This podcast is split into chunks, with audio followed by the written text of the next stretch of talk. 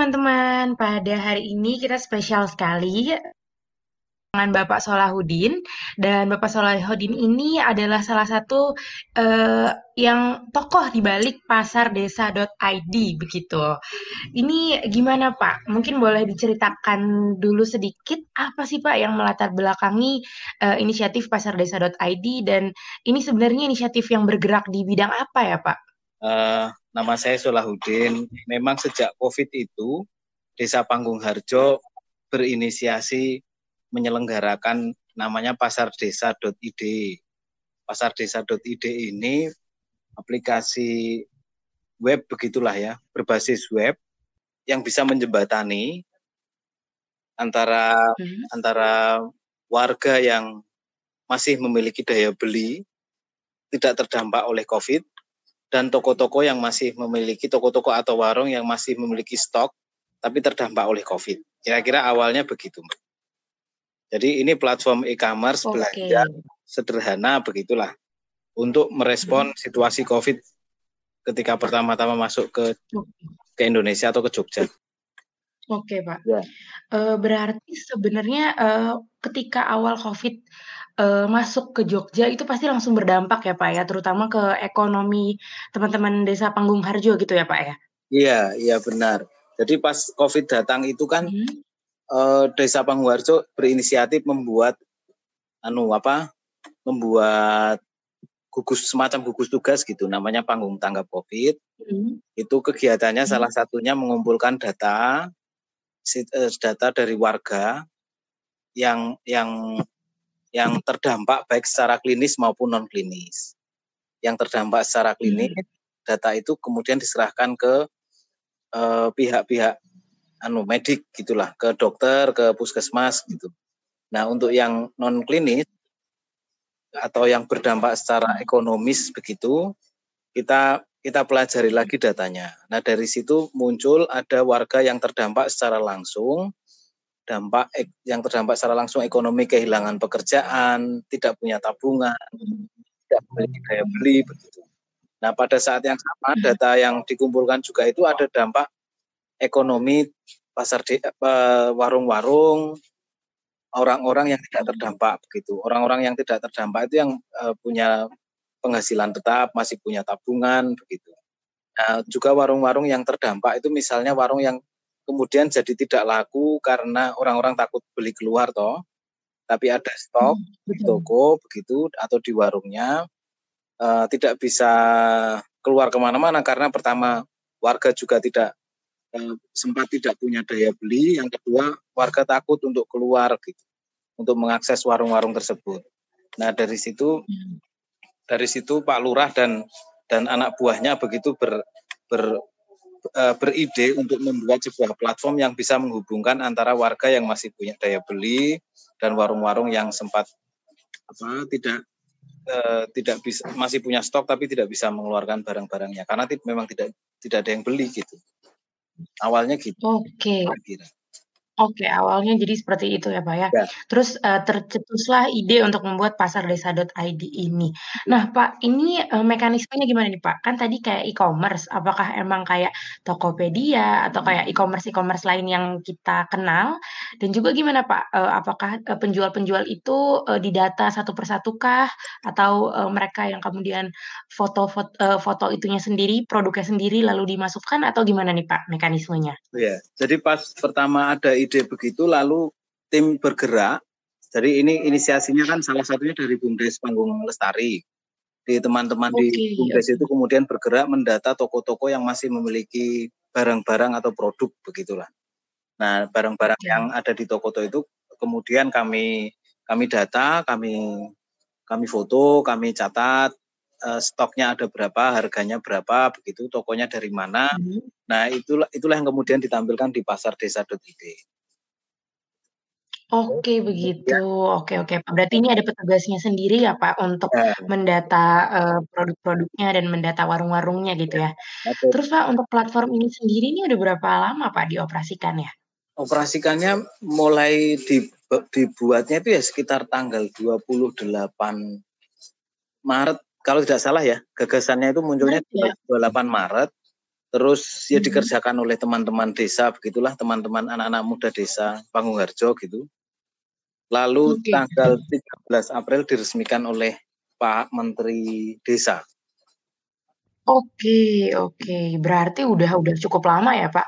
Kalau gitu udah berapa banyak, Pak, uh, warung-warung atau teman-teman, uh, penjual yang terlibat dalam, uh, inisiatif pasardesa.id ini sudah berapa banyak ya, Pak? Kalau ter kalau cukup lama ya berarti mulai sekitar bulan April kemarin itu, Mbak, berarti sekitar empat bulanan. -hmm. Untuk satu -hmm. bulan pertama yang yang yang bergabung itu paling sekitar 10 sampai 20 mitra toko yang punya punya anu punya barang yang kemudian ditampilkan. Awalnya hanya sekitar itu. Tapi saat hmm. ini ada sekitar 400-an lah toko yang itu wow. kita udah mulai mulai berkembang tidak hanya di awalnya satu satu bulan pertamanya di Pangungharjo lalu sekarang kita sudah sudah ada lima desa di Bantul yang bergabung di pasar desa begitu. Oh, wah keren banget Pak. Berarti memang, memang terbukti keren. ini ya Pak cukup efektif juga ya uh, sejauh ini. Iya. Iya iya iya. Alhamdulillah iya, Mbak. Alhamdulillah. Oke. Nah, terus Pak, kendalanya apa nih Pak yang ditemuin selama prosesnya? Ini sudah lumayan mungkin udah hampir lima bulan kali ya Pak? Iya. Selama lima bulan ini apa sih Pak kendala yang ditemukan yang paling, uh, besar mungkin dan gimana dari teman-teman untuk menghadapi kendala tersebut, Pak?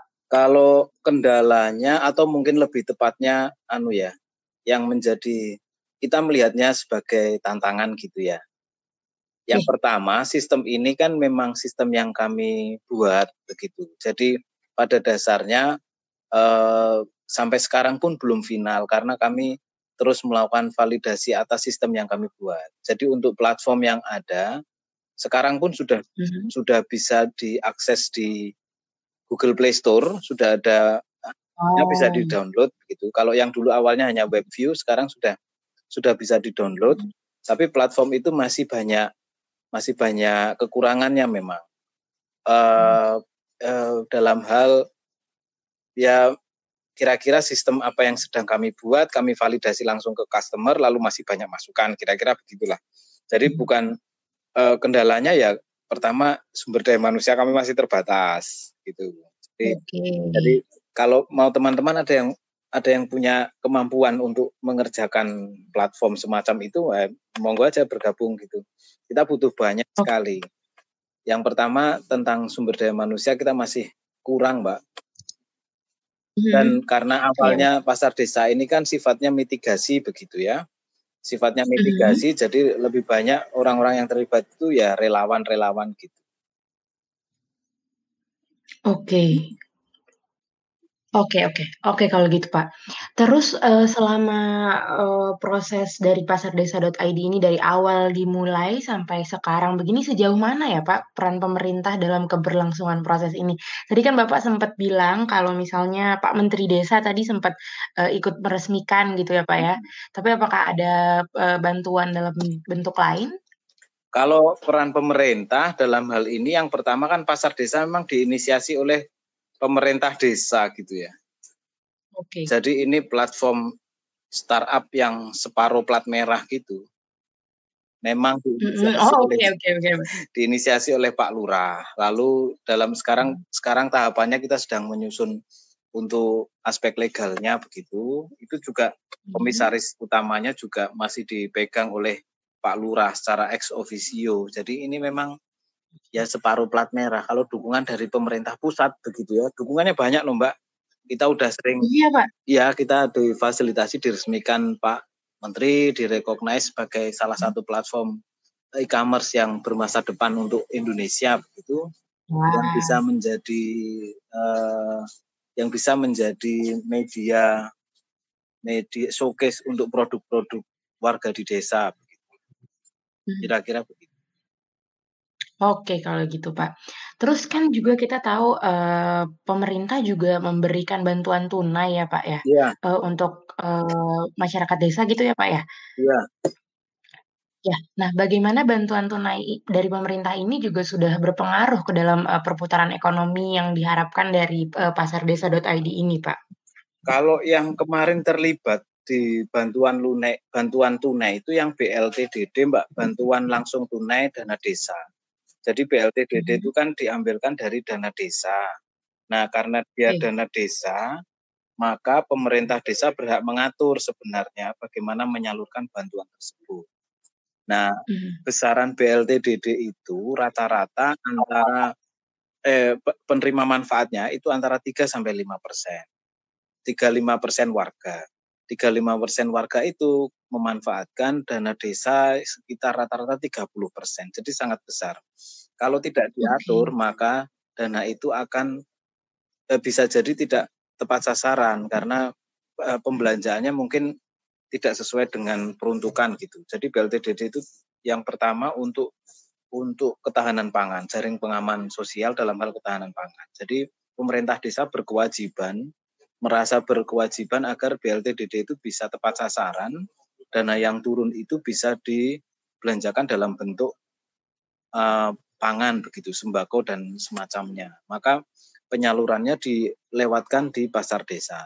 Kalau tidak tidak diatur begitu, dana yang mereka terima, dana BLTDD yang terima hari itu, misalnya 600 ribu per bulan, hari itu dia terima, hari itu juga akan kembali ke Jakarta dalam melalui apa misalnya angsuran kredit eh, toko iya. jejaring waralaba apa supermarket waralaba yang itu tidak memberi manfaat hmm. panjang untuk masyarakat desa secara umum. Tapi kalau itu dibelanjakan di pasar desa, maka warga yang tidak mendapat manfaat juga akan dilewati perputaran uang tersebut. Karena pasar desa hmm. ini mitra pasoknya sepenuhnya dari warga desa. Oke, berarti keberadaan pasar desa ini juga sangat membantu gitu ya Pak untuk perputaran ekonomi di desa ya Pak ya? Harapannya begitu Mbak. Oke, tadi kita udah sempat bahas dikit nih Pak, tapi kalau misalnya harus menilai Pak, gimana menurut Bapak efektivitas atau kebermanfaatan dari gerakan ini Pak? Menurut Bapak pribadi, apakah apakah dia sudah tepat sasar gitu Pak? Kalau te kalau tepat sasaran, kita sedang menuju ke arah sana. Idealnya sih idealnya sih ini harus mendapat dukungan dari banyak pihak. Jadi kita tidak bisa berjalan hmm. sendiri. Maka ini menjadi salah satu value juga di pasar desa itu kolaborasi. Jadi pasar desa ya. ini uh, memiliki paling tidak empat value proposition, Mbak. Yang pertama hmm. kolaborasi itu tadi ya.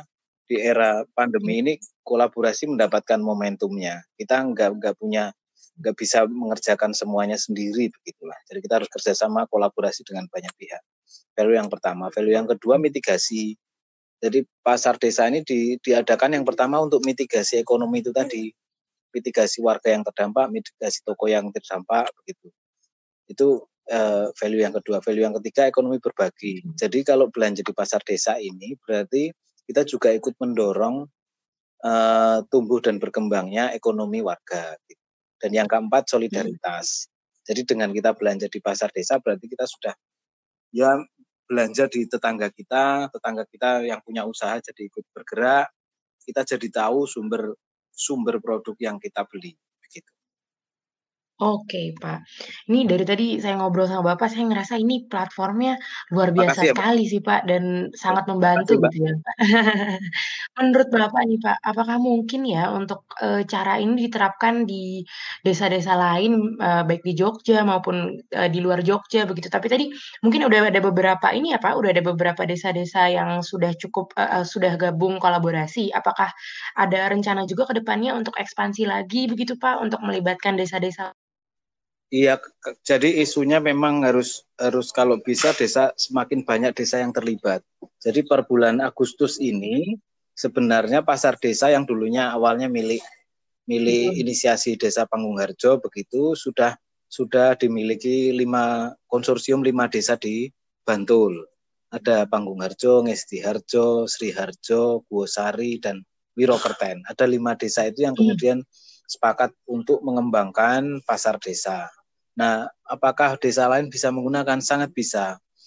Tetapi kita sampai saat ini masih berusaha memvalidasi sistem yang kita kita kerjakan gitu. Jadi untuk platform sementara sambil kita kerjakan kita juga masih perlu memvalidasi sistem yang kita gunakan supaya lebih tepat sasaran begitu. Jadi agak berbeda karena sumber daya modal maksudku. Kapitalnya juga terbatas, kami tidak bisa berlama-lama untuk mengulik fitur fitur-fitur yang ada di platform gitu ya. Kita nggak bisa lama-lama nggak uh, bisa lama-lama untuk apa mengcreate produk dulu sampai jadi kemudian dilempar ke pasaran. Jadi kita kita begitu ada jadi ini gini langsung konfirmasi ke pelanggan ke user gitu ya ke end usernya bagaimana belanjanya jadi masih separuh online separuh offline begitulah yang penting ada komitmen bahwa kita akan menjalankan bisnis ini dengan orientasi kemandirian okay. Okay, okay. ekonomi desa.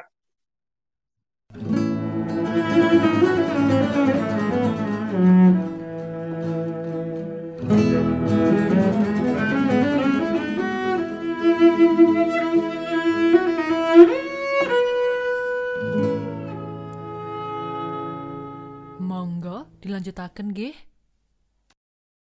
Oke, jadi kita kan sudah sudah lima bulan kurang lebih ya Pak jalan untuk ke depannya begitu Iya. Pak. Bagaimana strategi agar uh, pasardesa.id ini bakal uh, tetap bermanfaat, tetap tepat sasaran dan tentunya agar terus berkelanjutan begitu Pak. Ada strategi apa ya Pak dari pasardesa.id sendiri? Sekarang masih terus menerus Mbak ada dua strategi. Yang pertama yang ke dalam gitu ya kita Hmm. memperbaiki sistem terus sistem versi pasar desa ini supaya nanti kita bisa lebih nyaman uh, dipakainya oleh user begitu. Jadi untuk yang bagian eh, yang bagian teman-teman IT berusaha yang bagian platform tadi berusaha tetap mengerjakan platform ini, tetap develop begitu supaya ini lebih lebih aman, lebih nyaman user eh, dalam hal user experience-nya juga begitu.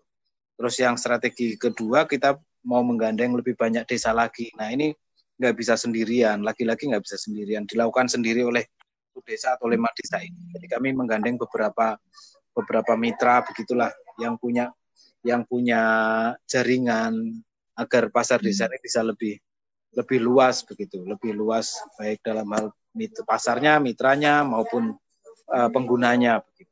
Jadi sekarang kita sedang menghubungi atau menjalin kerjasama, membangun kerjasama dengan banyak pihak. Oke, baiklah Pak. Jadi, nah, kalau misalnya nih Pak yang denger ini mau uh, beli, mau bertransaksi gitu Pak di pasardesa.id, caranya bagaimana sih Pak? Caranya sementara masih bisa lewat pasardesa.id. Itu nanti di sana ada showcase mm-hmm. produk-produk yang ada begitu. Atau bisa mm-hmm. juga. Iya, ada foto-fotonya juga ya, begitu ya Pak ya? Ada fotonya, ada call to action-nya sampai belanja begitulah. Nanti kalau hmm. sementara, sementara yang dilayani masih di lima desa, kalau luar lima desa nanti akan dihubungi. Kalau memang perlu dikirim ya, nanti bisa operator pasar desa yang akan mengkondisikan begitu. Terus bisa yang juga ya? Iya, yang kedua bisa juga download di Google Play Store. Itu hmm. pasar desa, pasar desanya nggak usah dispasi gitu, pasar desa. Nanti yang eh, apa apa namanya itu aplikasi pembuat aplikasinya Sanggar Inovasi Desa. Jadi Pasar Desa ini di bawah Yayasan Sanggar Inovasi Desa. Oh. Pasardesa.id kalau misalnya mau di apa App Store ada Pasar Desa dan uh, kalau misalnya mau langsung lewat web juga bisa begitu ya Pak ya di pasardesa.id. Di situ jualnya Benar. banyak banget ya Pak. Ada berbagai kebutuhan rumah tangga begitu Pak. Ada apa aja tuh Pak? Sementara ini lumayan banyak Mbak. Ada sekitar 4.000 produk. Hmm. Wow. Ya, ada sekitar produk 4.000 produk yang ditampilkan. Uh, memang kita memang kita sedang mulai menuju tahap untuk mengkurasi produk apa saja yang bisa tayang. Tapi karena okay. sifatnya masih mitigasi, jadi komoditas yang ada di warga itu yang kemudian kita ambil, kita angkat, kita tawarkan. Jadi karena masih mitigasi. Hmm. Nanti ke depan kita okay. kurasi produk-produk yang tampil. Oke, oke, sip kalau gitu, Pak. Dan kalau misalnya nih teman-teman di luar sana tadi mendengar uh, pem, apa obrolan kita begitu, Pak, dan pengen ya. bantu, Pak. Tadi Boleh. mungkin kan ada yang uh, trouble sedikit da dalam masalah ininya ya, programmingnya, ya. atau misalnya mau juga bantu dalam hal-hal lain gitu, gimana ya, Pak caranya? Bisa aja. Uh, kami kami ada di kami bisa dijangkau di sosial media juga ada di Twitter ada. Hmm pasar desa underscore ID Instagram juga ada pasar desa underscore ID begitu atau di Facebook okay. pasar desa Oke okay, atau itu kalau mau nomor telepon ya boleh nanti okay. nanti Nanti nomor teleponnya ada di pasar desa.id. Bisa dilihat di sana. Oke. Ya. Sip. Jadi begitu ya teman-teman bisa ya. langsung aja lihat di uh, Twitter ataupun di Instagram di pasar desa underscore uh. ID atau ya. cek nomor teleponnya di pasardesa.id. Ya. Untuk terakhir nih Pak, uh, Bapak Bapak apakah punya uh, pesan-pesan terakhir begitu Pak untuk teman-teman di luar sana? Ini kita masih masa pandemi, uh, ngelihat inisiatif kayak pasardesa.id ini kan sebenarnya luar biasa sekali uh, apa ya memberikan suatu solusi untuk untuk uh, warga desa ataupun uh, ya masyarakat secara umum bahwa banyak uh, yang bisa dilakukan gitu Pak. Monggo Pak uh, ada pesan-pesan tersendiri mungkin. Pesannya mungkin anu uh, kalau yang lagi lagi viral sekarang itu kan pesannya jadi orang itu mbak yang solutif gitu ya. Bu Tejo ya Pak. Ya itu lagi eh, memang iya, memang jadi kita kita juga berusaha seperti itu. Jadi pada hmm. saat pandemi kita sebenarnya bukan orang yang ter, ter, berjarak dengan pandemi ini. Kami semua juga terdampak secara langsung. Nah, ke, e, pertanyaannya kemudian adalah bagaimana apakah bagaimana mengatasi situasi bencana pandemi semacam ini? Apakah kita akan e, meraung-raung saja gitu menghadapi ini, kemudian menyalah-nyalahkan pun entah pemerintah, entah mana pun gitu, atau kita memilih untuk bangkit, lalu melihat potensi yang ada sekitar, memetakan masalah dan mencari solusinya. Saya kira itu pesannya. Kita harus selalu selalu berada di wilayah yang itu sehingga kita bisa menjadi lebih bermanfaat untuk uh, diri kita maupun untuk orang lain. Mantap. Itu aja Mbak kali Pak Salahuddin. Terima kasih banyak Pak. Sama-sama uh, Mbak. Sukses terus buat Jogja Berdas. Terima kasih banyak Pak. Ini inisiatif yang menarik. Mudah-mudahan teman-teman yang mendengarkan di luar sana juga bisa jadi uh, terinspirasi dengan apa yang sudah dikerjakan oleh uh, pasar desa atau yang memang ngerasa uh, butuh untuk kerjasama dengan pasar desa juga mungkin bisa langsung aja uh, mengkontak lewat uh, kontak-kontak yang tadi sudah diberikan. Sekali lagi terima kasih banyak Pak Salahuddin. Selamat Ya, selamat sore.